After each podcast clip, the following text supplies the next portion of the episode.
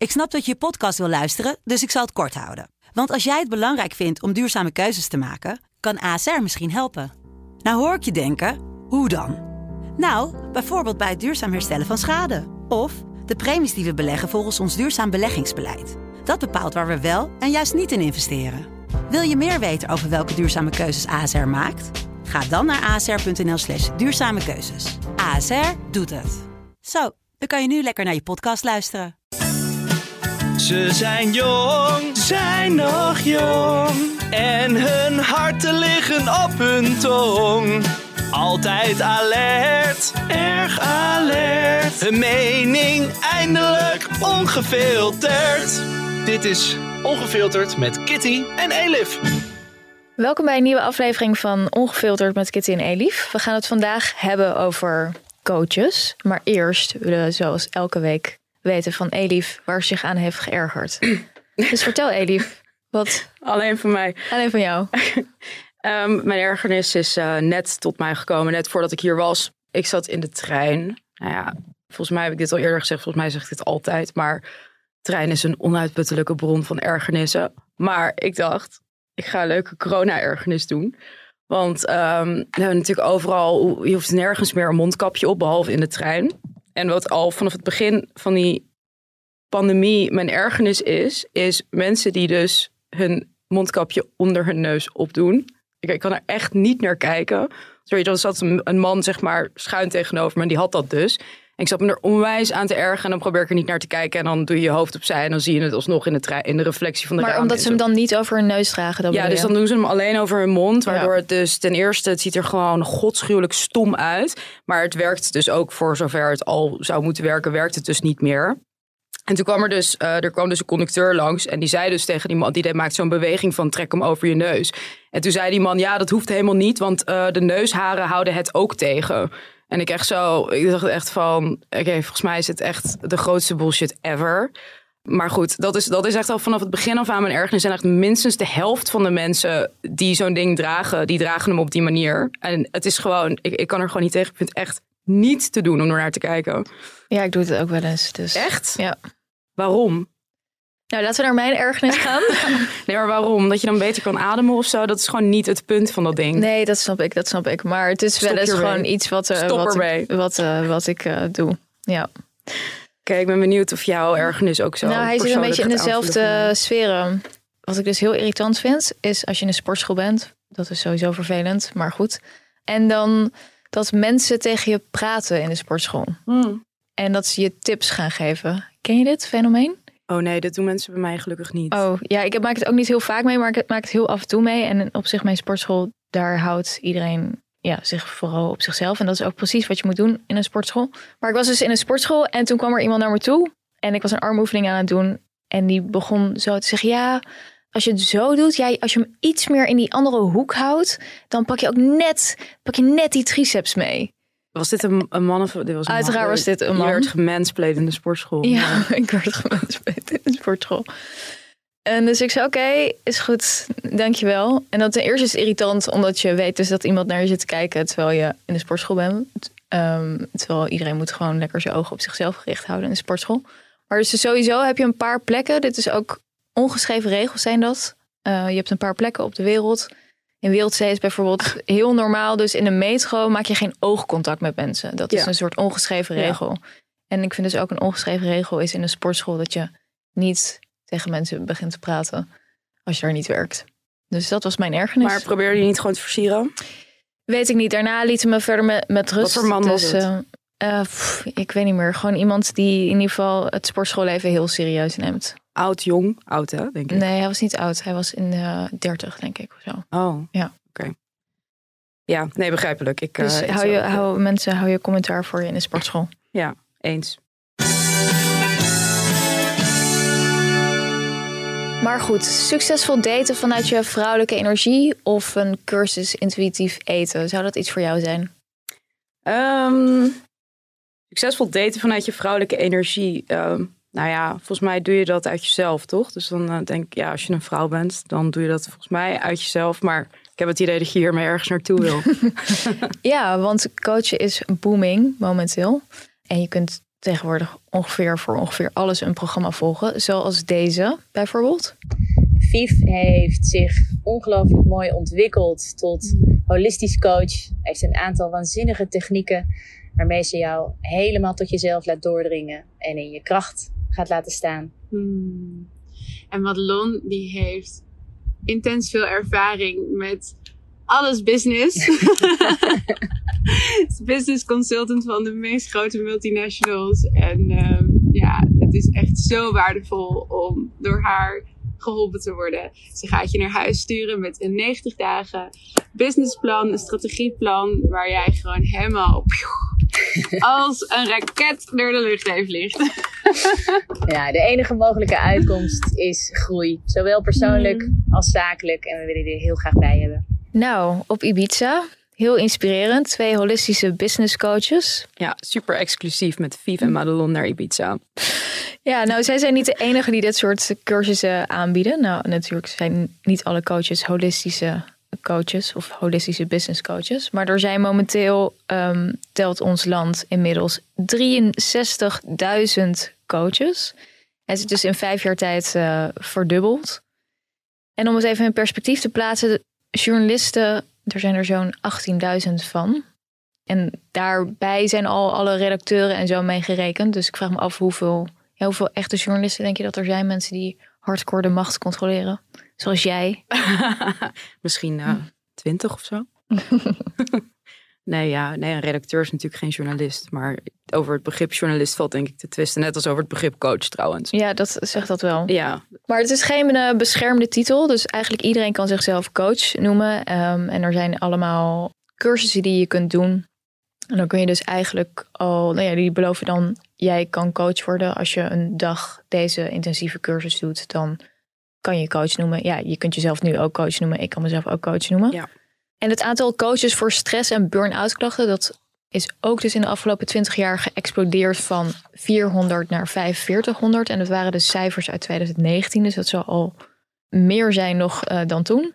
En ja, je hebt allerlei soorten coaches: loopbaancoaches, mindset coaches, slaapcoaches, uh, Instagram coaches, spirituele coaches. En wij gaan vooral uh, daarop in, dus op de spirituele coaches en op de business coaches. En ook wel, het raakt ook wel met, met Instagram. En coachen houdt in dat je een medewerker, een collega of een team, en die worden dan in de coachingwereld coaches genoemd of een coachie, die helpt dan bepaalde doelen te verwezenlijken en helpt om iemand te laten ontwikkelen. En als coach help je de ander leren. En dit is de officiële definitie, of tenminste een definitie die ik op een site vond online. Woordenboek.nl of zo. Ja. En het is dus niet door te onderwijzen, maar door te inspireren en te ondersteunen. En dat is ook eigenlijk, als je kijkt naar al die cursussen, komt dat er ook in terug. Dus het gaat heel erg over wat coaches zeggen is. Dus het gaat niet alleen om advies geven. Al geven heel veel coaches ook adviezen. Maar het gaat dus ook over de waarheid in jezelf vinden. En vooral mensen de juiste vragen durven stellen over zichzelf. En het antwoord ligt vaak uiteindelijk in jezelf. Dat is wat zij zeggen. Ja, dus in die zin lijkt het een beetje op een therapeut of op een psychotherapeut, psycholoog. Behalve dat ze dus wel advies mogen geven. En dat mag een therapeut volgens mij officieel niet. Toch? Uh, dat weet ik niet. Volgens mij niet. Volgens mij is het de bedoeling dat je mensen helpt om zelf de juiste beslissing te maken. Of zelf beslissingen te maken waardoor zij zich beter voelen. En bij coaches, volgens mij, mogen ze wel gewoon zeggen van. Vooral met business coaches en zo natuurlijk. Van je moet dit en dit en dit doen. Stappenplan om je bedrijf goed te ontwikkelen. Stappenplan om binnen een jaar. Uh, weet ik veel, 50.000 euro te verdienen met dit en dat op Instagram, toch? Ja. Ja, als jij ergens coaching voor zou moeten volgen hè, voor jezelf, wat zou dat dan zijn? Um, ik ben de afgelopen tijd natuurlijk hier ingedoken en ik had niet echt het idee uh, volgens nog dat ik dacht, dit spreekt me heel erg aan. Maar oké, okay, maar goed, gewoon zeg maar gun to your head, waar zou je een coaching traject voor volgen als het zou moeten? Ja, niks. Echt niet? Nee, waar zou jij, misschien kan ik het beter aan jou vragen. Um, heb je tijdsmanagement coaches? Past wel, hè? Ja. Nou, dan zou ik dat doen. Want dat gaat niet goed bij jou. Uh, ik denk dat, ik het, uh, dat het heel prettig zou zijn als je dat zou kunnen doen zonder dat al te veel stress in je hoofd te ervaren. Want dat heb ik wel altijd heel erg. Oké, nou maar dan ben je eigenlijk eh, de perfecte doelgroep hiervoor. Want dat zijn ook heel veel dingen die mensen juist zoeken bij coaches. Ik ben een beetje in de wereld van de online coaches gedoken. Ehm, en ik heb er drie gevonden die ik even met je wil delen. Uh, met mijn trainingen en mijn events help ik eigenlijk mensen echt begrijpen waarom iets wel of niet lukt in je leven. Dus of je wel of niet succesvol wordt en waar komt het dan door? Dus welke overtuigingen, welke blokkades, wat zit erachter en hoe kan je dat weghalen zodat voor jou unlimited succes, op wat voor gebied dan ook in je leven of je business mogelijk wordt. Succes behalen en vrijheid zodat ik kon werken vanaf waar ik wilde. Dit is trouwens de gym. Uh, dus uh, ja, hier sport ik. Ik uh, hou van boksen en dat soort dingen. Weet je, je wil iets anders dan de standaard. Zit je nu op de middelbare school, je 9 tot 5 of je studie of wat dan ook. Kijk, wat wil je werkelijk bereiken in het leven? Elk moment dat ik besluit om in mijn eigen mindset, in mijn eigen hoofd, oftewel in mijzelf te investeren, weet ik dat ik dat houd en meeneem. Laten we zeggen, alles wordt van mij afgepakt. Morgen, opeens. Mijn Instagram-account is weg, mijn bedrijven zijn weg, um, alle omzet is weg. Alles is, ik moet helemaal opnieuw beginnen. Kan ik dit opnieuw maken? Ja, ik weet nu hoe ik alles doe. Ik heb zoveel geïnvesteerd in kennis in mijn hoofd en al die ervaring in mijn hoofd. Dit is ook de reden dat heel veel mensen die failliet gaan, een paar jaar later weer opnieuw een bloeiend bedrijf hebben. Ze weten hoe het werkt.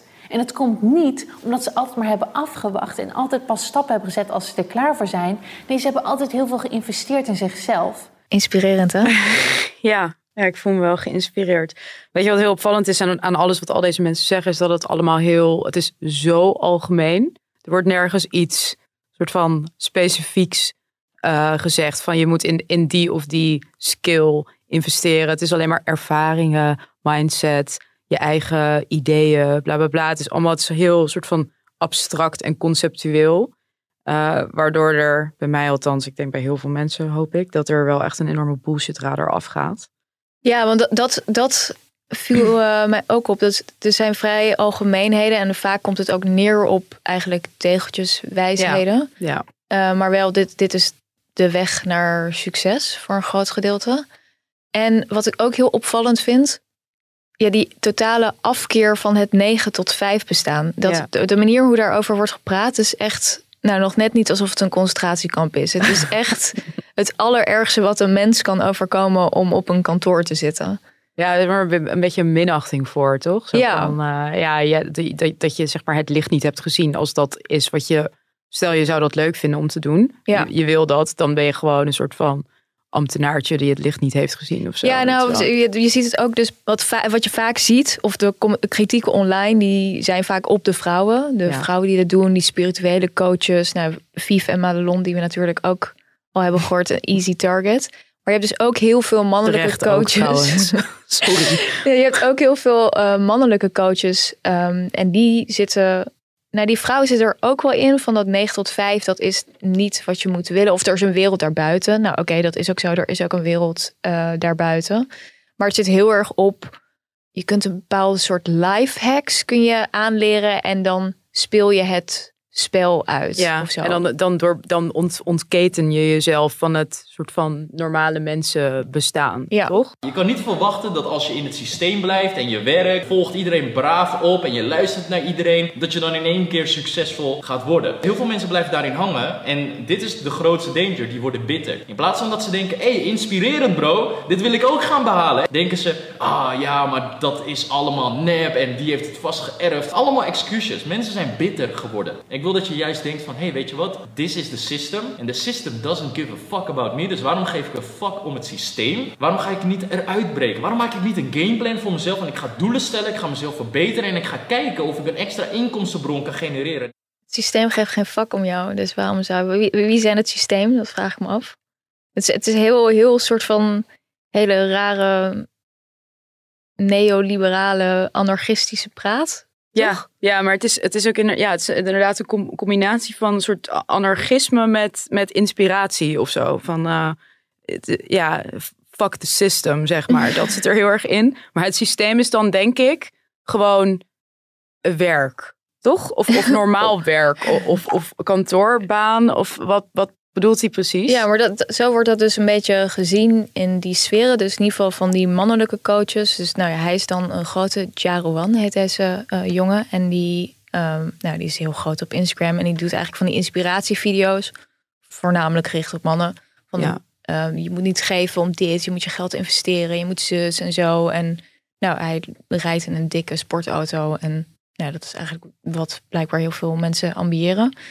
Ja, en eh, dat idee is dus inderdaad dat je kunt hacken. Je kunt het leven zeg maar hacken. En dan sta je erboven en dan heb je het gemaakt. Dat is Ja, het eigenlijk. En dan doe je dus niet mee aan het systeem. En dan ga je ook automatisch heel veel geld verdienen. Ja, nou, dan ben je niet zo'n zielige slaaf. Die, ja, niet eh, een loonslaaf. Niet een zeg maar. zielige loonslaaf. Ja, precies. Ja. Ja. Dat eh, meisje wat we daarvoor hoorden, die zei ook: alles wat je in jezelf investeert van je eigen ervaringen, krijg je tien keer zo groot terug, zeg Ja. maar. Dat natuurlijk gewoon, dat is gewoon, dat als, als wijsheid is natuurlijk gewoon bullshit. Ja. Het is gewoon, Ja, maar daar, daar zit dus wel het idee dus achter eh, wat je veel ziet bij die, eh, dus bij die mannen zit meer gericht op dat business en dit is hoe je zus moet doen en ehm, ja, het blijft ook allemaal heel vaag wat dat dan is. Ja, iets over dropshipping of zo, social media marketing vanuit Bali of een of ander andere villa-eiland waar ze dan zitten. Eh, en dat kan jij ook doen. Op dat dropshipping gaan we later nog in. Maar wat je dus bij ehm, bij die vrouw heel erg sterk ziet, is dus het idee van manifesteren. Dus ze geloven dus dat je ja, bepaalde dingen zelf in de hand hebt. En dus aan de hand van je geest, of als je ergens in gelooft, dan overkomt het je. Dus ja, als je maar positief genoeg denkt eh, en als je dus maar in jezelf investeert, dan gaat dat zich sowieso uitbetalen. Ja. Wat ik vrij gevaarlijk vind, want dat, volgens mij is dat helemaal geen garantie. Maar goed, ik ben natuurlijk een van die bittere mensen die eh, dat een loonslaaf ben jij. Ik ben zo'n bittere loonslaaf. Jij zit vast in het systeem. Maar dat is natuurlijk die, eh, dat, dat eh, zeg maar geloven dat je iets gaat krijgen en dat je het dan krijgt, is natuurlijk iets wat al echt al heel lang eh, meegaat. Dat had je natuurlijk vroeger ook met die, eh, dat soort van versiercoach-achtige eh The Secret en zo. Weet je, Ja. had je dat ook heel erg. Zo van, ja, als je gewoon denkt van ik, ik kan dit en ik ben dit en dit en dit, komt het je vanzelf aanwaaien of zo. Dat is dan een beetje het idee. Ja. Maar ik zat een podcast te luisteren van een van die spirituele coaches, ik ben even de naam kwijt. Maar die had het daar ook over. En die haalde dus echt bij dat ehm, manifesteren. eh, kwam ze dus met een verhaal zo van ja, eh, we bestaan allemaal uit eh, moleculen van energie. En ook om ons heen hangt ook energie. En dan zegt ze, het is helemaal niet zweverig hoor. Want eh, Einstein is hier ook al meegekomen. Het is gewoon kwantumfysica en zo. Zo zegt ze het dan. Dus het is allemaal gewoon super wetenschappelijk bewezen. Het is gewoon helemaal waar dat jij met jouw energie, door na te denken aan iets, dat je dan de energie om je heen, dus je aura, kan beïnvloeden om bepaalde dingen voor elkaar te krijgen. En eigenlijk het levenspad te volgen wat voor jou is ontworpen door het universum. Ja. Eh, en dan zegt ze dus eigenlijk twee hele tegenstrijdige dingen. Want dan zegt ze door dus te manifesteren kan je dat beïnvloeden. Maar zegt dan ook tegelijkertijd, je moet alles loslaten. Want je moet gewoon het pad bewandelen wat het universum, en in dit geval is het universum dus een soort god of zo, voor jou heeft, heeft uitgelegd, zeg maar. Ja. Dat is dan dus de, de redenering. En dan wordt er dus ook nog Einstein bij gehaald en kwantumfysica en zo, om het een soort wetenschappelijk dingetje te geven. Terwijl als je er echt naar luistert, denk je echt van, maar wat, wat zeg je nou eigenlijk? Moet je nou wel of niet je energie beïnvloeden? Of moet je gewoon alles loslaten en gewoon go with the flow en dan komt het vanzelf goed? Zeg maar, het zijn hey, twee eigenlijk gewoon totaal tegenstrijdige boodschappen. En dat is heel vaak Ja. met, met deze mensen. Dus je er echt naar luistert dat je denkt van, maar wat zeg je nou eigenlijk? Ja, dat viel mij ook dus heel erg op. En inderdaad dat het dus ook nooit concreet wordt gemaakt. Dus Mm. het blijft heel... Want dan zeggen ze bijvoorbeeld ook van... Ja, als je het gewoon loslaat, dan remmen ze dat weer een beetje af. En dan zeg je van... Ja, natuurlijk niet helemaal. Het is niet alsof het je allemaal aankomt waaien. Maar als je het gewoon voor het grootste gedeelte loslaat... dan Ja. denk je... Concreet. Ja, Gewoon- nee, maar, en dan gaan ze ook een beetje terugkrabbelen. Want dan zeggen ze bijvoorbeeld: Ja, stel je wil heel graag een relatie met iemand, met een bepaald iemand. Of je wil heel graag een huis. Of je wil heel graag. En dat je dan dus dat het leven misschien een ander idee erbij heeft. Dus dat het dan een soort van sowieso goed komt. Al is het misschien niet op de manier waarop jij had gewild. Wat dus ook weer in tegenstrijd is met dat hele idee van manifesteren. Want dan is het eigenlijk van ja, nee, maar als, als het universum voor jou bepaalt dat je niet met die persoon een relatie krijgt, maar met die ander, dan is dat omdat dat uiteindelijk een soort van meant to be was. Er zit gewoon iets heel religieus in. Ja. En je hebt dus ook eh, manifestatiecoaches. eh, zoals ehm, coach Willemijn. Daar vond ik een heel leuk interview mee. En zij legt het ongeveer wel goed uit wat dat is. En ze zegt dus dat het is... Het is niets meer dan je gedachten werkelijkheid laten worden. En zo je eigen droomleven creëren. Ze hebben ook vaak allemaal hetzelfde soort verhaal. Uh, ze werkten allemaal in de corporate wereld. Uh, toen gingen ze naar Bali. En daar zijn ze tot in, letterlijk, ik verzin dit niet hier. Ze zat letterlijk in het interview. Na een vakantie op Bali in 2015 keek ze om zich heen en dacht ze: wat doe ik hier? Maar ja, op Bali of op Bali? ik denk, maar en de volgende dag zei ze haar baan op en besloot ze haar eigen leven te creëren. En anderen als coach te helpen hetzelfde te doen. En dat komt dus ook uh, vervolgens is ze dus manifestatiecoach geworden en ja, gaat ze daar door. En dus bijvoorbeeld, zij beweert, je kunt ook je droomhuis manifesteren. En dat betekent niet meteen dat je het krijgt. Maar laatst manifesteerde ik ochtends dat ik vaker in de media wil komen. Drie uur later werd ik gebeld voor een radio-interview. Nou, ik denk dat best veel mensen hier vatbaar voor zijn. Het is niet voor niets dat deze mensen groot zijn en zo online, dat ze veel ja. following hebben. Ja, er zit iets heel schadelijks in, denk ik, uh, omdat wat je daar ook mee zegt. En wat bijvoorbeeld die Celine Charlotte over investeren in je mindset. En het gaat zich altijd uitbetalen. Ja, als het dus niet gebeurt, aan wie ligt dat dan? Ja. Aan jezelf. Ja. Jij hebt het niet goed gemanifesteerd. Of dan moet je misschien toch een, meer nog een cursus doen. Ja, ja dat, dat zei die andere jongen dus eigenlijk ook toch? Over mensen die dus niet uit het uh, systeem breken. Die, die worden dan verbitterd en zo. Omdat ja. die niet krijgen wat ze willen. Want het is ze niet gelukt om uit het systeem te breken. Omdat ze dus niet het licht hebben gezien en zijn cursus hebben gevolgd. Ja. Toch? Dus het is altijd uiteindelijk. Het, het ligt dus aan jezelf op het moment dat je, dat je iets niet, dat, dat je iets niet krijgt, of iets niet lukt, of iets niet kan of zo. Of in een burn-out komt. Wie er bijvoorbeeld tegenaan liep en die ja, werd meegezogen in, het, in, in de coaching-industrie online, omdat ze zich aangetrokken voelde en ja, zelf het idee had van oh, ik wil daar misschien ook iets mee en ik wil ook coach worden. Um, ja, ze heeft vervolgens uh, een paar duizend euro geïnvesteerd. In zichzelf. In, zichzelf. Uh, en ze heeft daar heel eerlijk en open over verteld uh, op de radio. Nou, heel veel coaches uh, doen zichzelf voor, vooral op social media. Daar zijn heel veel online coaches bijgekomen de afgelopen jaren. Um, dat ze heel succesvol zijn en dat ze heel veel geld verdienen. En dat ze heel gelukkig zijn. Um, maar dat klopt gewoon niet altijd, want ik spreek die coaches dus ook achter de schermen. En dan weet ik gewoon dat ze aan het struggelen zijn en dat ze misschien maar één klant hebben. En dat ze gewoon amper rondkomen. Maar online creëren ze het imago van heel succesvol. Maar ja, dat klopt gewoon niet altijd. Nou, dat nuanceert ook wel het ding van 63.000 coaches. Die het allemaal doen alsof ze ontzettend succesvol zijn. Uh, maar ja, dat kan ook niet. Maar het is natuurlijk wel, zij heeft echt duizenden euro's uh, geïnvesteerd. Um, en op een gegeven moment, ja, er is altijd dus een betere cursus. En dan als je klaar bent, is er altijd weer een traject en zo daarna. En toen op een gegeven moment had ze door van oké, okay, uh, dit klopt niet helemaal. Dat klinkt heel erg net als, als, als iets als Scientology of zo. Waar je dus steeds zeg maar om hoger te komen een soort van extra cursus moet kopen voor weet ik veel hoeveel duizend euro. En dat je op een gegeven moment gewoon totaal bankrupt bent. En dan ja. denkt echt van waar ben ik eigenlijk geëindigd? Ja. ja. ja, maar het is wel dus blijkbaar, ik vind het wel interessant dat er, dat er een sfeer is waar veel mensen zich tot aangetrokken voelen. En dat is dus ook omdat ze met die zingevingsvragen zitten. En iemand die daar meer over kan vertellen, dat is uh, Esther van Venema, uh, psychiater. Um, en uh, dus we gaan haar even bellen.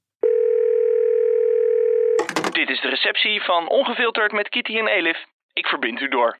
Nou, heel fijn dat we je even mogen uh, bellen om advies te vragen over um, ja, wat het nou precies is. Want uh, Elif en ik die, hebben het erover. En we vragen ons af, waarom, waarom is deze markt van die coaches zo ontzettend groot geworden? En wat zoeken mensen, denk jij? Nou ja, het is een soort, uh, het is wel de geluksindustrie geworden. Hè? Dus geluk is een soort product geworden waar we allemaal recht op hebben. En ik denk dat daar de misvatting uh, eigenlijk begint. Wat maakt dat als je je nou, misschien niet goed in je vel voelt zitten of het gaat even wat minder, dat dat direct als een probleem wordt gezien waar extern een oplossing voor moet worden gezocht. En daar wordt natuurlijk wel heel handig op ingespeeld. Daarnaast zijn natuurlijk veel mensen ook wel uh, aantoonbaar niet happy met hun leven. Nou, vanwege allerlei stress en toestanden en te veel prikkels en uh, al die zaken. Dus dat, dat is een ingewikkelde wisselwerking, vind ik. Is deze industrie gevaarlijk voor mensen, denk jij? Kan het schadelijk zijn mentaal? Nou, ik, uh, ik denk dat je echt moet oppassen als je iemand toelaat in je brein, om het maar even heel gek te formuleren. Hè? Dus uh, ik, ik heb zelf het begrip mentale kwakzalvers geïntroduceerd, omdat ik uh, nou, ook wel de gevolgen zie als het misgaat met een coach die allerlei adviezen geeft die misschien helemaal niet juist zijn. En ik vind het ook wel echt een misvatting om te denken dat je uh, lichamelijke kwakzalvers uit moet bannen omdat dat riskant is en dat dat mentaal allemaal wel meevalt. Um, het zal in heel veel gevallen goed gaan en zullen er niet onherstelbare problemen door ontstaan. Maar op de momenten dat iemand bijvoorbeeld een ernstige depressie blijkt te hebben en dat wordt niet voldoende onderkend of daar wordt op een verkeerde manier mee omgegaan door zo'n coach, um, ja, dan denk ik dat de gevolgen best groot kunnen zijn. En um, nou ja, sowieso vertraagt dat natuurlijk een diagnostisch proces. Hè, als mensen te lang bij een coach blijven hangen terwijl ze eigenlijk gewoon uh, naar een dokter moeten en pillen moeten gebruiken of naar een gecertificeerde psychotherapeut dus ik vind niet dat je moet onderschatten wat de impact kan zijn van mentale problemen en het niet professioneel daarmee aan de slag gaan. Maar is, is dat echt iets wat jij ook ziet in, je, in jouw praktijk? Van die zie je mensen die, ja, die dus in aanraking zijn geweest met coaches en dat die ja, ja, die zijn heel lang blijven modderen bij een coach en hebben daardoor gewoon heel veel vertraging opgelopen. En ja, het is ook wel aangetoond dat hoe langer psychiatrische klachten blijven bestaan, hoe moeilijker het vaak kan zijn om ze weer um, te behandelen en te laten herstellen. Plus uh, toch ook wel gevallen die ik heb meegemaakt van adviezen van coaches. Van, nou, het is maar beter als jij geen kinderen krijgt met dit uh, toestandsbeeld van jou. Uh, waar toevallig okay. een onderbouwing voor was. Hè? Dus die mevrouw die hoorde dat toen ze dertig was. En die kwam er op de vijftigste achter dat dat eigenlijk klinkklare nonsens was geweest.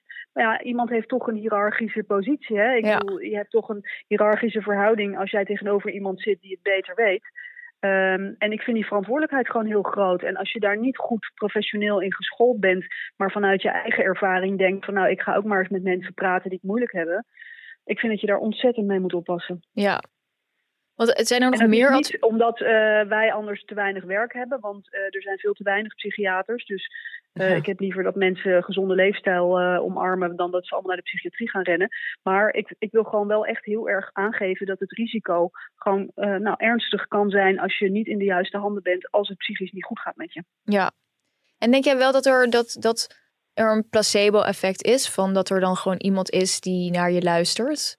En dat dat kan dat helpen? Dat kan zeker. Dat kan zeker. En um, daarom is het ook heel lastig om, om zo streng te zijn zoals ik ben. Omdat er natuurlijk ook heel veel mensen zijn die zeggen van... nou, ik heb uh, een halfjaartje met een coach gepraat... en dat heeft me er echt ontzettend bovenop geholpen. Nou, dan was het blijkbaar niet dusdanig ernstig dat dat een risico was of uh, geen goed idee.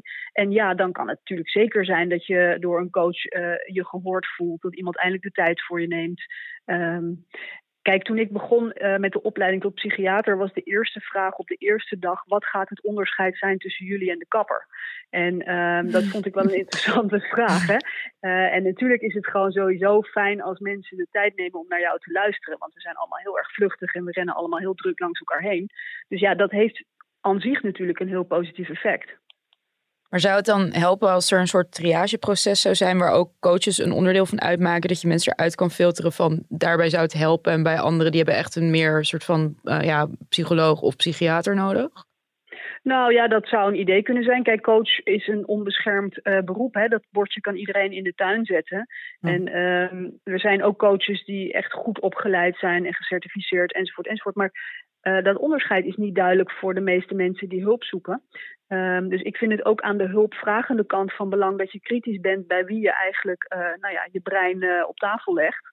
En ik denk dat het ook heel erg belangrijk is dat coaches nou ja, beseffen dat als zij zich bemoeien met het brein van iemand anders, dat dat niet zonder risico is. Dus dat vind ik ook een stukje verantwoordelijkheid van de burger die zichzelf coach noemt. Dat hij zich afvraagt van, goh, ben ik daar wel echt toe in staat? En als mensen bij mij komen en ik vind het spannend en ingewikkeld, ben ik dan in staat om door te verwijzen? Of kan ik daar nou ja, adequaat op handelen, zeg maar? Dus daar valt nog wel wat in te winnen uh, in vergelijking met hoe het nu is. Ja, ja. ja want de burn-out coaches, die, de stress en burn-out coaches, van dat zijn natuurlijk echt grote problemen. Momenteel veel mensen lijden daaraan. Ja, wat, wat zou je dan zeggen wanneer Wanneer moet je dan aankloppen bij een coach? Of wanneer moet je dan naar een psycholoog eigenlijk voor dat soort problemen? Want burn-out is iets heel normaals geworden. En dat, dat belandt dus vaak bij een burn-out coach. Ja, en ik, ik weet niet wie dat dan zijn. En ik vind burn-out ook een heel lastig containerbegrip. Want aan de ene kant van het spectrum heb je te maken met mensen die eigenlijk gewoon hun leefstijl niet op orde hebben. Hè? Dus bijvoorbeeld, veel te veel op hun telefoon zitten en te veel prikkels en eigenlijk te weinig rust nemen. Uh, nou, de klassieke jonge generatieproblematiek. En aan de andere kant van dat burn-out spectrum zie je toch ook wel gewoon ernstige depressies die heel professioneel moeten worden behandeld. Dus in het geval van burn-out klachten zou ik sowieso altijd via de huisarts gaan om in te schatten van goh, uh, kan ik inderdaad met een uh, vriendelijke coach uh, hier een eindje mee op weg? Of, of is er eigenlijk iets anders aan de hand? Want dat weet je vaak niet goed. Ja, precies. En dat leefstijlaspect, dus dat kan eigenlijk, daar kan een coach misschien wel bij helpen. Van oh, je moet gewoon je telefoon uitzetten en um, rust ja, nemen. kijk, ik heb, ik heb zelf op een gegeven moment een mentale schijf van vijf geïntroduceerd. En um, ik dacht dat dat allemaal heel vanzelfsprekend was. Hè, van niet te veel op je telefoon en leer praten over moeilijke gevoelens. En zoek sociale contacten op in plaats van de hele dag in je eentje achter een scherm en voldoende beweging. Dat soort open deuren eigenlijk. Ja, ik zou willen dat iedereen dat gewoon zelf leert en doet en uh, toepast. Maar als je daar wat hulp van een coach bij kan gebruiken, ja, dan, dan zie ik daar niet zo heel veel problemen in. En denk je dat er ook, want ik heb altijd het idee dat er een soort religieus aspect ook bij zit. En, en er valt iets weg wat misschien vroeger nou, de kerk wel opvulde. Uh, of een soort van zingeving. Zit er ook een, een gebrek aan zingeving? Hoe, hoe kijk jij daarnaar? Ja, dat herken ik wel. Kijk, we zijn natuurlijk allemaal ontzettend autonome individuen geworden. En uh, dat moeten we ook allemaal zijn. Hè? We moeten het allemaal zelf doen en presteren. En als het niet goed gaat, is dat toch ook een vorm van falen vaak. Wat, wat heel moeilijk is om te verdragen. Het collectieve groepsgevoel dat je gesteund wordt door de community is natuurlijk eind jaren 60, jaren 70 behoorlijk weggevallen. Omdat het individu zo uh, werd geïdealiseerd. Maar ja, ik denk dat de mens toch in feite een groepsdier is en een stukje zingeving ook ontleent aan dat onderdeel zijn van. Dan kom je uit toch op behoorlijk wat eenzaamheid en ontreddering of gebrek aan zingeving, of hoe je het allemaal ook wil noemen. En dan is het ook niet verbazingwekkend om terug te komen eigenlijk op het begin van ons gesprek, dat mensen uh, ja, geluk of steun uh, of zorg zoeken uh, op deze manieren. Ja, dat was heel verhelderend, Esther. Ja, dus ik, ja, het, het, het, het is een uh, ingewikkeld onderwerp. En um, ik vind het ook echt heel erg belangrijk dat mensen zelf heel kritisch zijn nou ja, bij wie ze hun ziel en zaligheid uh, blootgeven. Dus uh, denk daar goed over na voordat je, dat, voordat je dat doet. En ja, niet iedereen met een leuke webpagina is echt in staat om jou de steun te bieden die of Insta-profiel om jou de steun te bieden die je misschien nodig hebt. Ja, ja. dankjewel. Ja, Graag werk gedaan. ze nog, Esther. Succes met jullie leuke podcast. Thanks.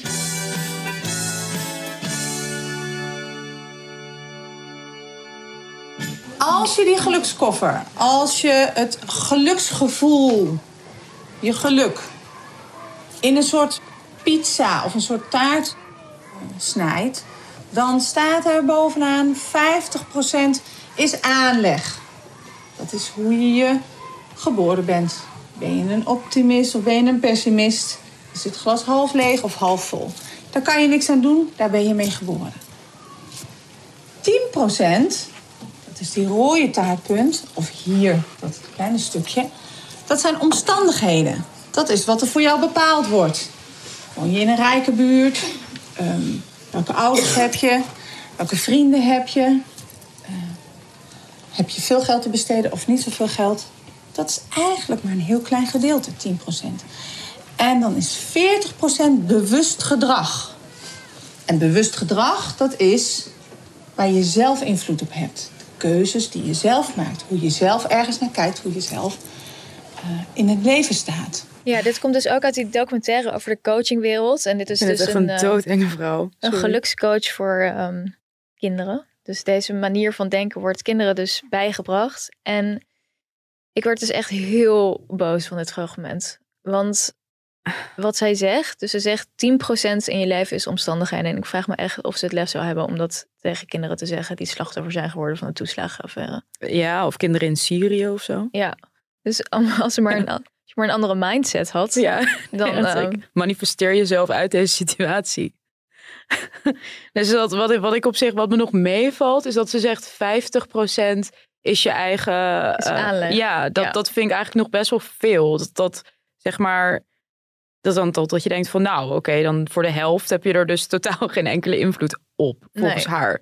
Maar het is toch echt een soort enge indoctrinatie van kinderen dit? Of, Maar is dan, het verkeerd? dus dan 40% ja, mindset wordt aangepraat van dat, dat het dus heel dat dat een heel grote rol speelt. En ik denk echt wel dat het een rol speelt dat je invloed kunt hebben op dingen. Maar ik denk wel dat dit zich vertaalt naar dus het latere ding van Celines Charlottes, die dus heel erg hierop kunnen inspelen van alles is gewoon je mindset. En op het moment dat dingen niet lukken of als je dan ja, dat, dat de tijdgeest is gewoon rijp eigenlijk voor dit soort coaches die dat soort, ja, die dat verkondigen. Ja. Dus die zeggen, oh, als je maar dit aanpast, het ligt aan jou dat je niet dit of dat. En ja, maar al, als dit dus al zeg maar tegen kinderen van, want hoe oud waren die kinderen? Waren iets van acht of zo. Ja. Dan hebben we dus over, nou ja, over twintig jaar hebben we dus nog veel meer coaches dan 63.000. Ja. Dan de, Ja, ja of het wordt gewoon die manier van denken wordt volledig geïnternaliseerd. Ja. Ehm, ja, en ik, weet, ik denk wel dat het goed is dat je,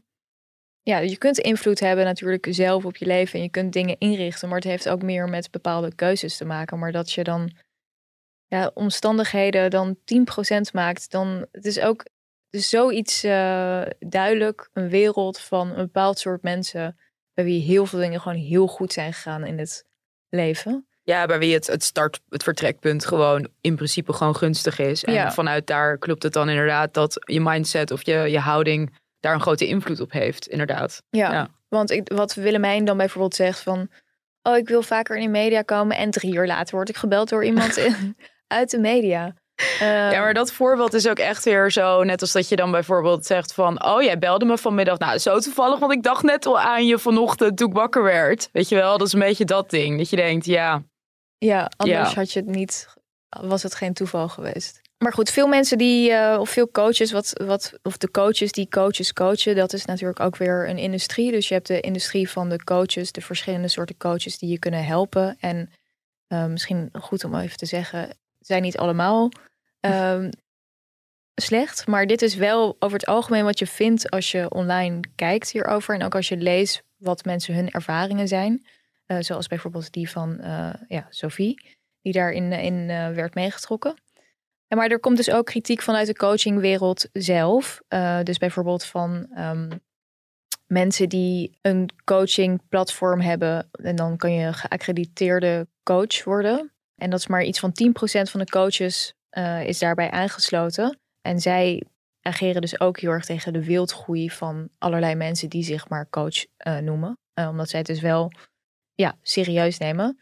Al vond ik ook ehm, een van die cursussen waardoor je dus je kan aansluiten daarbij. Dat is dan geaccrediteerd door NOPCO EIA Practitioner niveau. Dus dat zijn van die organisaties die het een beetje in toon proberen te houden. Maar er zijn dan negen blokken van twee dagen. En het kost dan bijna 6000 euro. Om dan coach te worden. Maar dan denk je, ja, ja heb je dan echt eh, de handvaten om iemand heel veel dingen bij te brengen? Dat vraag ik me echt af. ja, dat is het. Ik denk dat het wel een beetje focust op wat bijvoorbeeld echt niet, wat je echt niet kan doen, zeg maar. Dus wat er gewoon onethisch is. Ja. Maar wat natuurlijk vaak zo is met, met al die coaches die ook hier voorbij zijn gekomen, is dat eh, bijvoorbeeld met burn-out, weet je wel, die man die dan zegt van ja, eh, eh, je hebt zelf de ervaring, dus dan kan je andere mensen helpen. En wat gewoon wel aan de hand is met al deze coaches, dat ze allemaal gewoon onder de 30, rond de 25 en soms nog jonger zijn, zeg maar. En waarbij je dan wel dan moet denken van, als je alles vanuit je eigen ervaring doet, want dat doen ze wel. Het gaat allemaal over wat zij zelf hebben gedaan en hoe ze dan anderen dat kunnen leren of zo. Of wat ze zelf hebben meegemaakt en zo. Ja. En je denkt van ja, maar in, ja, als geheel moet je toch zeggen van ja, die mensen dat, die zijn eigenlijk gewoon, die hebben nog gewoon helemaal geen enkele levenservaring. Dus om dan te zeggen dat je anderen gaat coachen door, dat is volgens mij ook wel een veelgehoorde kritiek op heel veel van die, eh, van die jonge coaches. Dus van ja, waar- wat ga jij mij vertellen dan? Ja. Ja, en dat is ook, Rambam heeft dan onderzoek gedaan, ehm, of die is ook in die coachingwereld gedoken. En die kwamen dus echt dingen tegen als mensen die gingen vertellen aan iemand die, ja, zij kl- klopte dan aan met iemand met depressieve klachten. Ja. Die dan zei, ja, je moet gewoon de hele tijd fake gaan glimlachen, dan word je vanzelf gelukkig. Eh, en ook nog wel echt iets heel ernstigs, dat iemand dus een, een non-suicide contract liet ondertekenen door eh, die via Rambam dus daar aanklopte. Van, oh ja, je bent eh, depressief. Ja, je mag geen zelfmoord plegen terwijl ik je coach. Uh, en daar had dus ook een psychiater ja, serieus kritiek op. Van dat Ja. kan, ja, je moet helemaal niet zelfmoord opbrengen bij mensen die Ja, dat is depressief echt zijn. En dat is, ziek. dat is natuurlijk echt eh, heel kwalijk. En dat is natuurlijk ook voor de mensen die bijvoorbeeld wel psychotherapeut zijn en coach. Of ik kan me ook voor- voorstellen dat je dat, dat een soort smet is. En dat, eh, dat sommige mensen pleiten ervoor om het een beschermde titel te maken. Om die wildgroei eh, tegen te gaan. Ja, maar dat is natuurlijk wel heel lastig als je, want ik bedoel, een, een, eh, een life coach of een mentale coach is natuurlijk wel echt iets heel anders dan een business coach of zo. Eh, Ik kan me voorstellen dat je daar dan ook wel, als je het beschermd zou willen maken, dat je daar misschien een onderscheid in moet maken. Want het is natuurlijk wel, als, als echt mensen met klinische depressie gaan aankloppen bij een coach, gewoon gevaarlijk. Ja. Of bij zo'n ja, onge, ongecertificeerde iemand die maar wat doet, zeg maar. Dan, dat, dat moet je gewoon, volgens mij, gewoon echt niet hebben, toch? Nee, maar de arrogantie om jezelf life coach te gaan Ja, noemen. ja, dat is echt, ik vind dat echt hilarisch. Dus van, ik kan jou coachen met je leven. Ik Ja. weet, dat Maar ik vind dat ook met, ik vind dat eigenlijk met alles wat met, soort van, dus ik vind dat ook van relatiecoaches of zo. Dat je dan denkt van, wat, hoe arrogant ben je dat je denkt dat je anderen kan helpen of kan, kan vertellen hoe ze dat soort dingen moeten doen. Maar als je een therapeut of zo bent, dan. eh, Ja, maar dan heb je een opleiding gevolgd. Ja. Dat is wel echt iets anders, toch? Dan wanneer je alleen maar vanuit je eigen ervaring en je vindt jouw ervaring en jouw perceptie blijkbaar zo ontzettend belangrijk en zo baanbrekend dat je vindt dat anderen daarvoor moeten betalen om daarover te horen. Nee, maar sommigen hebben wel van negen weken een cursus gedaan van eh, twee avonden per week. Ja, dat, Dat is daar, daar staat een, een, opleiding, eh, een opleiding psychologie natuurlijk eh, niet toe in verhouding, toch? Nee, zeker niet. Maar ja, dus er zijn natuurlijk wel heel veel coaches die dan gouden bergen eigenlijk eh, beloven. Of die ook vooral zeggen dat je in hun voetsporen kan treden. En dat je net zo succesvol kan worden als zij, als je maar manifesteert of als je de juiste mindset hebt en als je uit het systeem breekt. Nou, bijvoorbeeld eh, iemand als Boyd Hoek, die moedigt ook mensen aan om dat te doen. Jij wil waarschijnlijk iemand volgen die het al heeft gedaan. Dat je, je hebt geen zin om alles zelf uit te gaan zoeken en er tien jaar over te doen. Terwijl je er misschien maar één jaar of zes maanden of drie maanden, zoals Sam hier, over kan doen. Al het succes wat je ooit hebt gehaald in je leven, alles wat je hebt geleerd, heb je van iemand geleerd die het al heeft gedaan. Dus dat is stap twee. En stap drie die ik heb gevolgd. En trouwens, dit hele deel is eigenlijk waar we soms yoga doen en dat soort dingen. Uh, ik ben er niet zo van, maar ja, ik moet het doen omdat ik af en toe moet relaxen. Van mijn coaches en whatever. Ik heb ook coaches. Coaches, coaches. Ik heb ook coaches. En ja, je kunt het leren van iemand die het al heeft gedaan. Ja, ja. en ik, ik hou niet van yoga en mediteren, maar ik moet het dus doen, whatever, want het moet van mijn coach of zo. Het moet ontspannend. Nou, het klinkt heel ontspannend. Ja. Maar goed, je hebt dus ook bijvoorbeeld um, uh, in dezelfde soort sferen heb je een, uh, een jongeman, Joshua Kaats. En die uh, heeft dan video's met titels als 550.000 euro in twee weken met dropshipping. Hij is dus uh, Dropship Academy uh, begonnen. En ja, dus meer video's met dat er 30.000 euro winst per maand. En uh, je ziet hem in de hele tijd in zijn sportauto rijden. En hij is blijkbaar heel succesvol in dropshipping. Nou, dit was een hele nieuwe wereld voor mij. Ik wist niet wat dat was. Dus ik heb even geïnformeerd bij Marlou, onze journalist van de financiële redactie. Uh, en zij gaat er iets over vertellen. Wat je bij dropshipping ziet, dat zie je eigenlijk bij ja, heel veel van die internetfenomenen. Waar mensen dan uh, in korte tijd heel veel geld verdienen omdat ze iets hebben ontdekt wat dan heel goed werkt. Nou ja, dropship is eigenlijk het met een Nederlandse webshop direct doorverkopen van goedkope rotzooi uit China. Meestal van AliExpress. Dat is echt heel makkelijk te regelen. Uh, het wordt op de Nederlandse webshop verkocht en dan wordt het, de bestelling gewoon doorgestuurd naar AliExpress en vanuit daar verstuurd. En vaak echt voor nou 10 of 20 keer de prijs uh, wat het in China kost. En je merkt dat van die, de eerste jongens die dat deden, een beetje 2016, 17, toen Nederlanders AliExpress nog niet zo goed kenden, dat je er echt goud geld mee kon verdienen zonder heel veel moeite. En dat, ja, die eerste dropship-goeroes noem ik ze maar, die verkopen hun businessmodel door aan anderen. Je zegt van, oh, jij kunt ook echt uh, 30.000 euro per maand verdienen zonder werk te doen op deze manier. En ik leer het je. En de cursus kost maar, nou, 2000 euro, 3000 euro. Maar ja, wat je ook hebt, hoe meer mensen dit gaan doen en hoe bekender het wordt, des te kleiner wordt de kans dat je er nog echt geld mee gaat verdienen. Ja, Lifehack. logisch verhaal, ja. Dit is een beetje wat je vroeger ook had met eh, die domeinnamen opkopen en zo. Dat was toen op een gegeven moment ook zo'n heel ding, toch? Dat eh, mensen, zeg maar, als je bijvoorbeeld water.nl kocht, dat je daar dan dus heel veel geld mee verdiende, omdat heel veel mensen dat dan wilden hebben en Ja. zo. Ja, en je hebt natuurlijk, natuurlijk in die hele Bitcoin-fase gehad Ja. van in het begin. En ja, er zijn er natuurlijk ook mensen rijk mee geworden. En die Joshua, die heeft het ook heel goed gedaan. Maar het doet me eigenlijk een beetje denken aan überhaupt de hele influencer-cultuur. Dat, dat zijn ook mensen die dat heel vroeg hebben aangevoerd van... oh, ik kan producten verkopen met mezelf. En die hebben dat in een beginstadium gedaan. Die zijn ook slim geweest. En ja, vervolgens is die markt zo verzadigd... dat de kans heel klein wordt dat je daar nog in kan Ja. maken. Tenzij je extreem onderscheidend bent. Alleen dit is een soort reproductie van dezelfde Ja. dingen.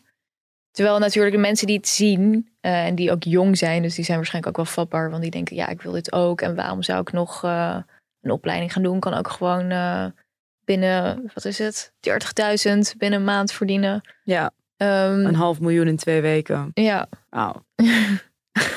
Ja, het is wel een beetje dat je denkt van ja, wie, wie trapt hier nou in? Ja, maar veel mensen dus Ja, maar- wel. Want ja. zij kunnen eh, rondkomen van mensen die die cursussen bij Ja, precies. Maar zij verdienen nu geen geld meer met waar ze cursussen over geven. Jawel, want ze hebben, zijn dus ook entrepreneurs en zo. Maar ja, goed, het is dus heel lastig in te schatten wat daar waar van is. Want bijvoorbeeld Sophie, die dus die cursus heeft gevolgd bij dan ja, wel die vrouwelijke coaches. Maar dat zijn ook soort van business coaches. Die zeggen natuurlijk ook allemaal, we zijn hartstikke succesvol. Maar zij zat in van die Facebook groepen. Ja. Afgesloten. En dan allemaal mensen die heel erg doen alsof ze succesvol zijn. Ja, zit dus ook heel erg dat fake it till you make it. En kan Ja. ik daar een Louis Vuitton tas lenen? Want dan kan ik ermee op de foto. En dan lijkt het alsof ik heel succesvol ben en heel veel mensen heb. Terwijl ze eigenlijk, nou ja, zij vertelde dus over. Er zijn mensen die hebben dan maar één klant. En ondertussen werken ze gewoon erbij als barista. Ja. Maar online wordt dus de hele tijd gedaan van, oh ja, dat moet je doen, want dat gaat je dat succes brengen. Van als je er maar zelf in gelooft, als je maar zelf, ja, dat blijft te reproduceren en zo. Ja. En dat is natuurlijk ook het idee van, ja, als je dan nog niet zo succesvol bent, dan moet je blijven investeren in je mindset. En dan wordt dan ook je money mindset genoemd. En als je niet bereid bent om dat te doen, dan word je overgehaald op deze manier. Je stopt geld in je mindset en je stopt geld in je ontwikkeling. En dat komt er tien keer zo groot uit. En dat is altijd hetgene wat ik mensen die totaal niet aan zelfontwikkeling doen. En ik weet dat mijn volgersgroep dat allemaal wel doen.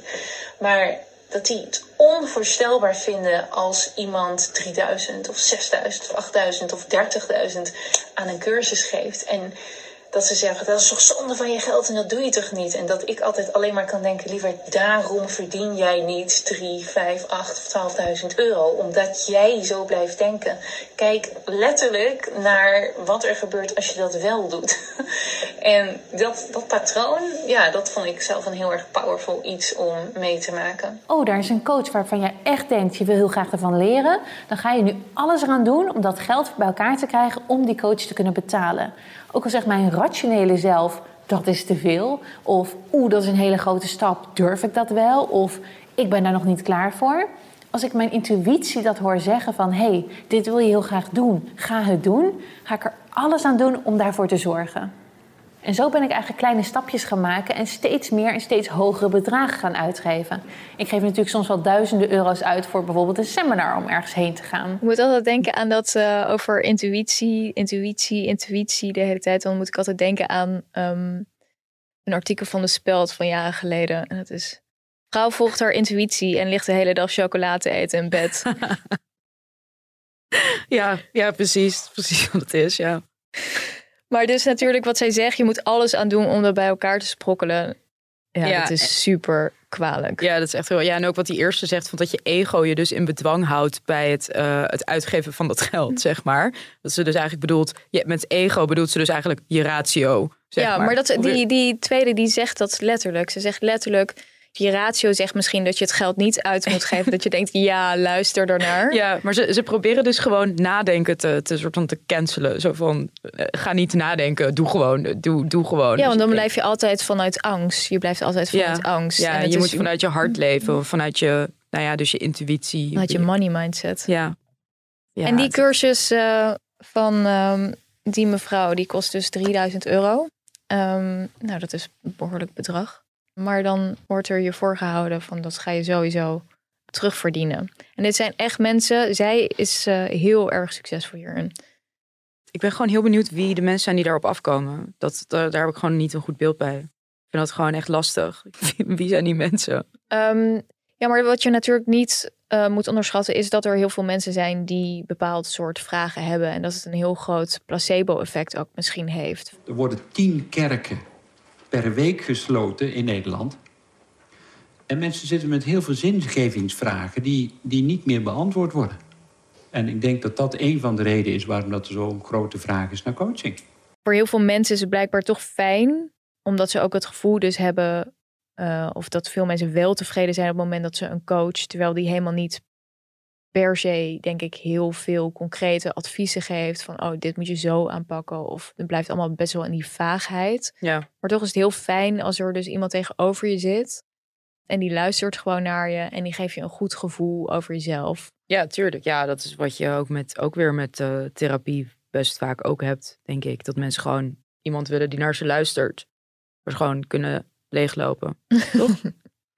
ja, er is ook in de psychologie is er zoiets dat je kunt iedereen eigenlijk over zichzelf laten praten. Ja. Mensen vinden niks interessanter Nee. dan over zichzelf praten. Ja, maar die hele coachingsector is natuurlijk ook gestoeld op jezelf en op je eigen ervaringen, je eigen doelen, je Ja. eigen alles. Het is natuurlijk een heel ja, narcistisch genot. Maar geloof je dat, dat, dat vond ik heel opvallend, dat de waarheid dan altijd in jezelf zit. En dat je dan, als je maar genoeg blijft vragen, dat dan altijd het er wel uitkomt. Dus een coach is eigenlijk iemand die inspireert en die dan aanmoedigt om ja, de grote levensvragen eigenlijk uit jezelf te halen. Van wat moet ik aan met mijn leven? Of moet ik hiermee doorgaan? Of Ehm, wow, dat is echt een hele moeilijke vraag. Ik denk wel dat de waarheid, eh, dat, dat inderdaad de doelstelling of van zingeving wel in mensen zit. Van hoe, op wat voor manier ze dat willen, zeg maar. Ik denk wel dat dat verschilt per persoon. Dat de een dat misschien meer kan vinden bij religie of zo. En de ander meer bij zelfverwezenlijking. Ja. En dat als je een goede coach bent, dat je wel mensen ertoe kan aanzetten om, dat, om tot een inzicht over zichzelf te komen. Maar ik denk dat je het dan echt over een heel klein percentage mensen hebt die dat talent hebben om dat er bij anderen uit te laten komen. ja. Maar ik denk dat heel veel van dit soort vrouwen misschien vroeger gewoon netjes eh, in het klooster zaten. Maar ja, goed. Ja. Dan zou je er nu geen. Dan zou je Zijn ze geen... misschien ook beter af. Althans, daar is de wereld Ja, maar je had beter bijvoorbeeld ehm, ook in de 19e eeuw had je ook dat mensen zichzelf diagnosticeerden met allerlei dingen van oh ik heb neuroses of wat dan ook. En dan gingen ze maandenlang in een resort in Zwitserland. Dat Ja. deed de ja. elite ook. En da- daar doet het me ook wel een beetje aan denken. Want Ja. het is een soort van zelfdiagnose en dan vervolgens dit is wat ik nodig heb. En ja, oké, vroeger gingen ze dan naar Zwitserland en nu gaan ze naar Ja, Bali. Dat was gewoon de yoga-retraite van toen. Ja. Ja, maar dat is natuurlijk, het, er is, het is gewoon wel een behoefte om ook, eh, zeg maar, het feit dat het niet goed met je gaat of zo, om dat aan externe factoren toe te kennen of aan factoren waar je het zelf geen controle over hebt. Dus dan is een ziekte of een, een stoornis of een, nou ja, dat is nu dan burn-out of dat is dan zeg maar een, denk ik, fijn ding om het aan toe te kennen. Ja. Ja, ik vraag me wel af met dat. ehm, dat zag je ook in die documentaire over dus die coaching-industrie. Dat dan de hele tijd die nadruk op dat het dan ja, wel dus bij jezelf en dat je die antwoorden kan vinden.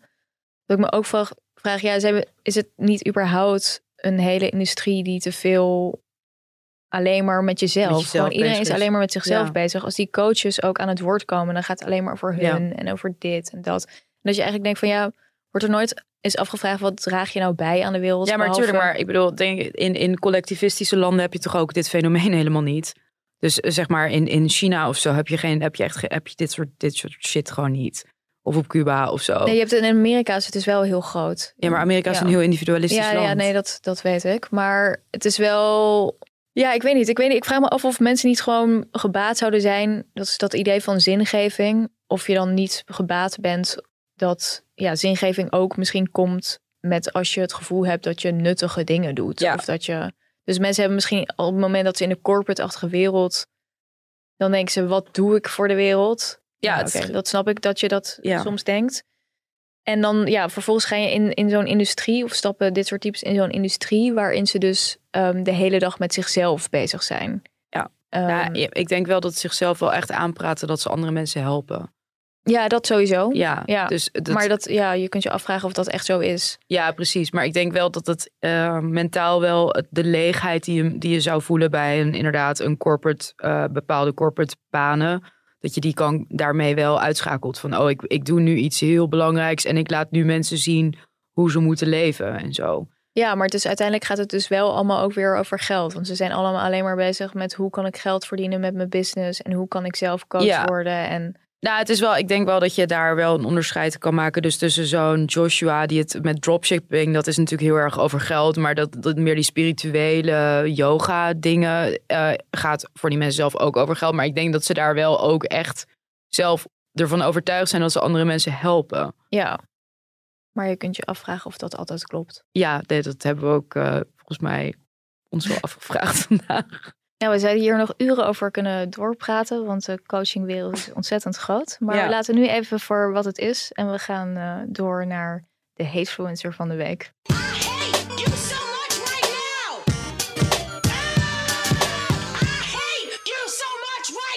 De hatefluencer van de week.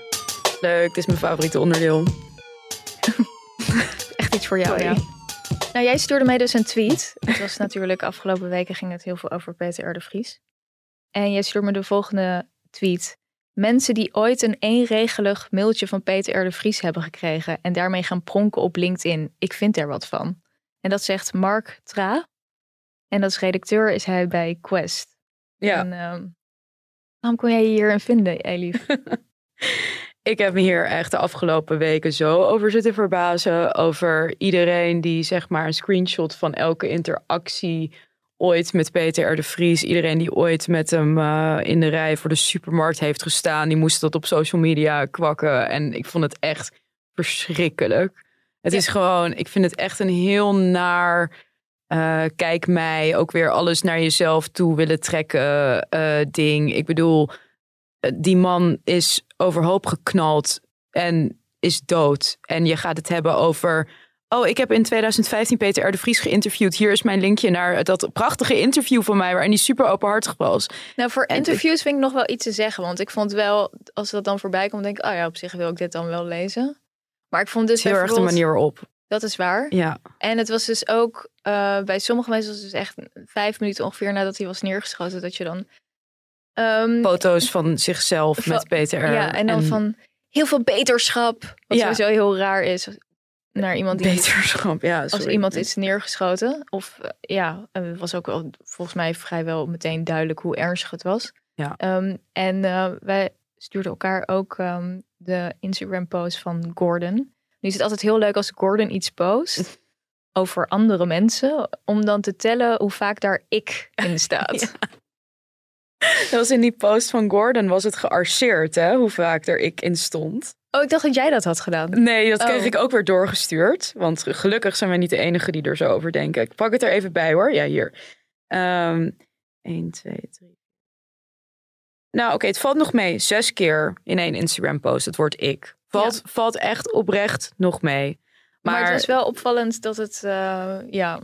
Ja, ik vind het, eh, het, is, het is een soort, eh, dat zie je wel vaker, het is rauw narcisme. Ja. Dus ja. het is iets wat dan, alles moet weer op jezelf worden Ja. betrokken. Ja, en het is, het is ook, het is rouw narcisme, maar het is ook collectieve rouw. Want je wilt dan ook wel met iedereen delen. En wij, wij voelen dat met z'n allen en zo. Waar je ook kan, nou ja, tenminste, ik twijfel af en toe wel aan de oprechtheid van mensen. Mag je best van me weten. Maar hoe bedoel je dat? Nou ja, ik bedoel, ik heb wel het idee dat heel veel mensen. Ik zag ook iets voorbij komen op Twitter. Een, eh, een meisje die had een eh, mailtje van Peter de Vries, inderdaad, ook op Twitter of op LinkedIn gezet. Van dat zij ooit hem gelukkig nieuwjaar had gewenst. En dat hij toen reageerde met jij ook de beste wensen of zo. En dat had ze, dit was letterlijk de tekst, hè, er was niks anders. En dat had ze dus online gezet. En dan denk ik echt van, ja, eh, waarom? Waarom? Ja, maar, Gewoon- nou, maar het is, waren dus ook mensen die dus privé dingen, dus dan de laatste dagen werden er ook heel veel privé gesprekken WhatsAppjes van. en zo. Ja, van Ja. oh, en dan, dan hij was zo dit en dit. En dan denk je ook ten eerste, is er niks meer privé op deze wereld? Ik Ja. bedoel, toch? Ja, zeker. En ook, ja, als je dan gewoon interactie of zo met iemand hebt gehad, misschien ja, kun je het ook gewoon privé houden. Er is dan ruimte, er moet ruimte natuurlijk zijn voor verdriet. En dat is ook helemaal niet erg. Maar ja, ik heb zelf echt een gruwelijke hekel aan sentimentaliteit. Ja. Ehm, en het verschil tussen verdriet, dus oprecht verdriet. Dus je ziet mensen die praten erover op een geëmotioneerde manier. En dat is ook logisch. Zeker als ze hem natuurlijk hebben gekend. Ja. Maar sentimentaliteit is huilen om de eigen traan. Dat is per definitie een heel vreselijk, narcistisch Ja. iets.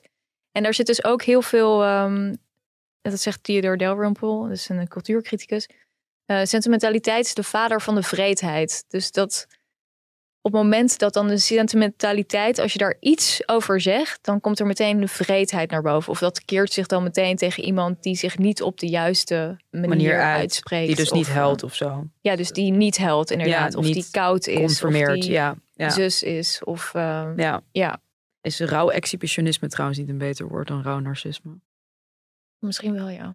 Ik zie jou volgende week weer. Tot- nee. Over twee weken. Twee weken. Ja, we doen de podcast dus eh, voortaan eh, om de week. Want anders krijgen we een burn-out. Ja, we kunnen het allemaal niet aan. Dus Nee. dan weten jullie dat.